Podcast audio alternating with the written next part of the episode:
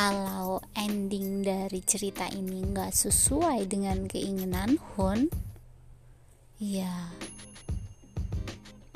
kisah ini nggak akan pernah berakhir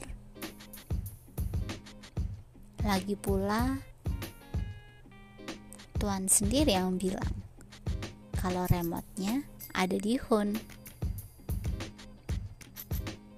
Ingatkan.